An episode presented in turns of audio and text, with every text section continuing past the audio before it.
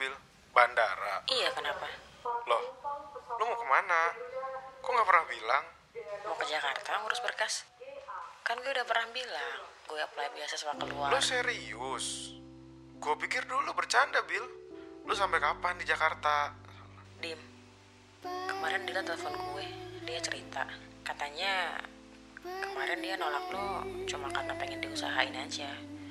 Jadi mending lo kejar dia deh. Nabila, lu Nah, sampai kapan di Jakarta? Dim, coba lo deketin Dila lagi.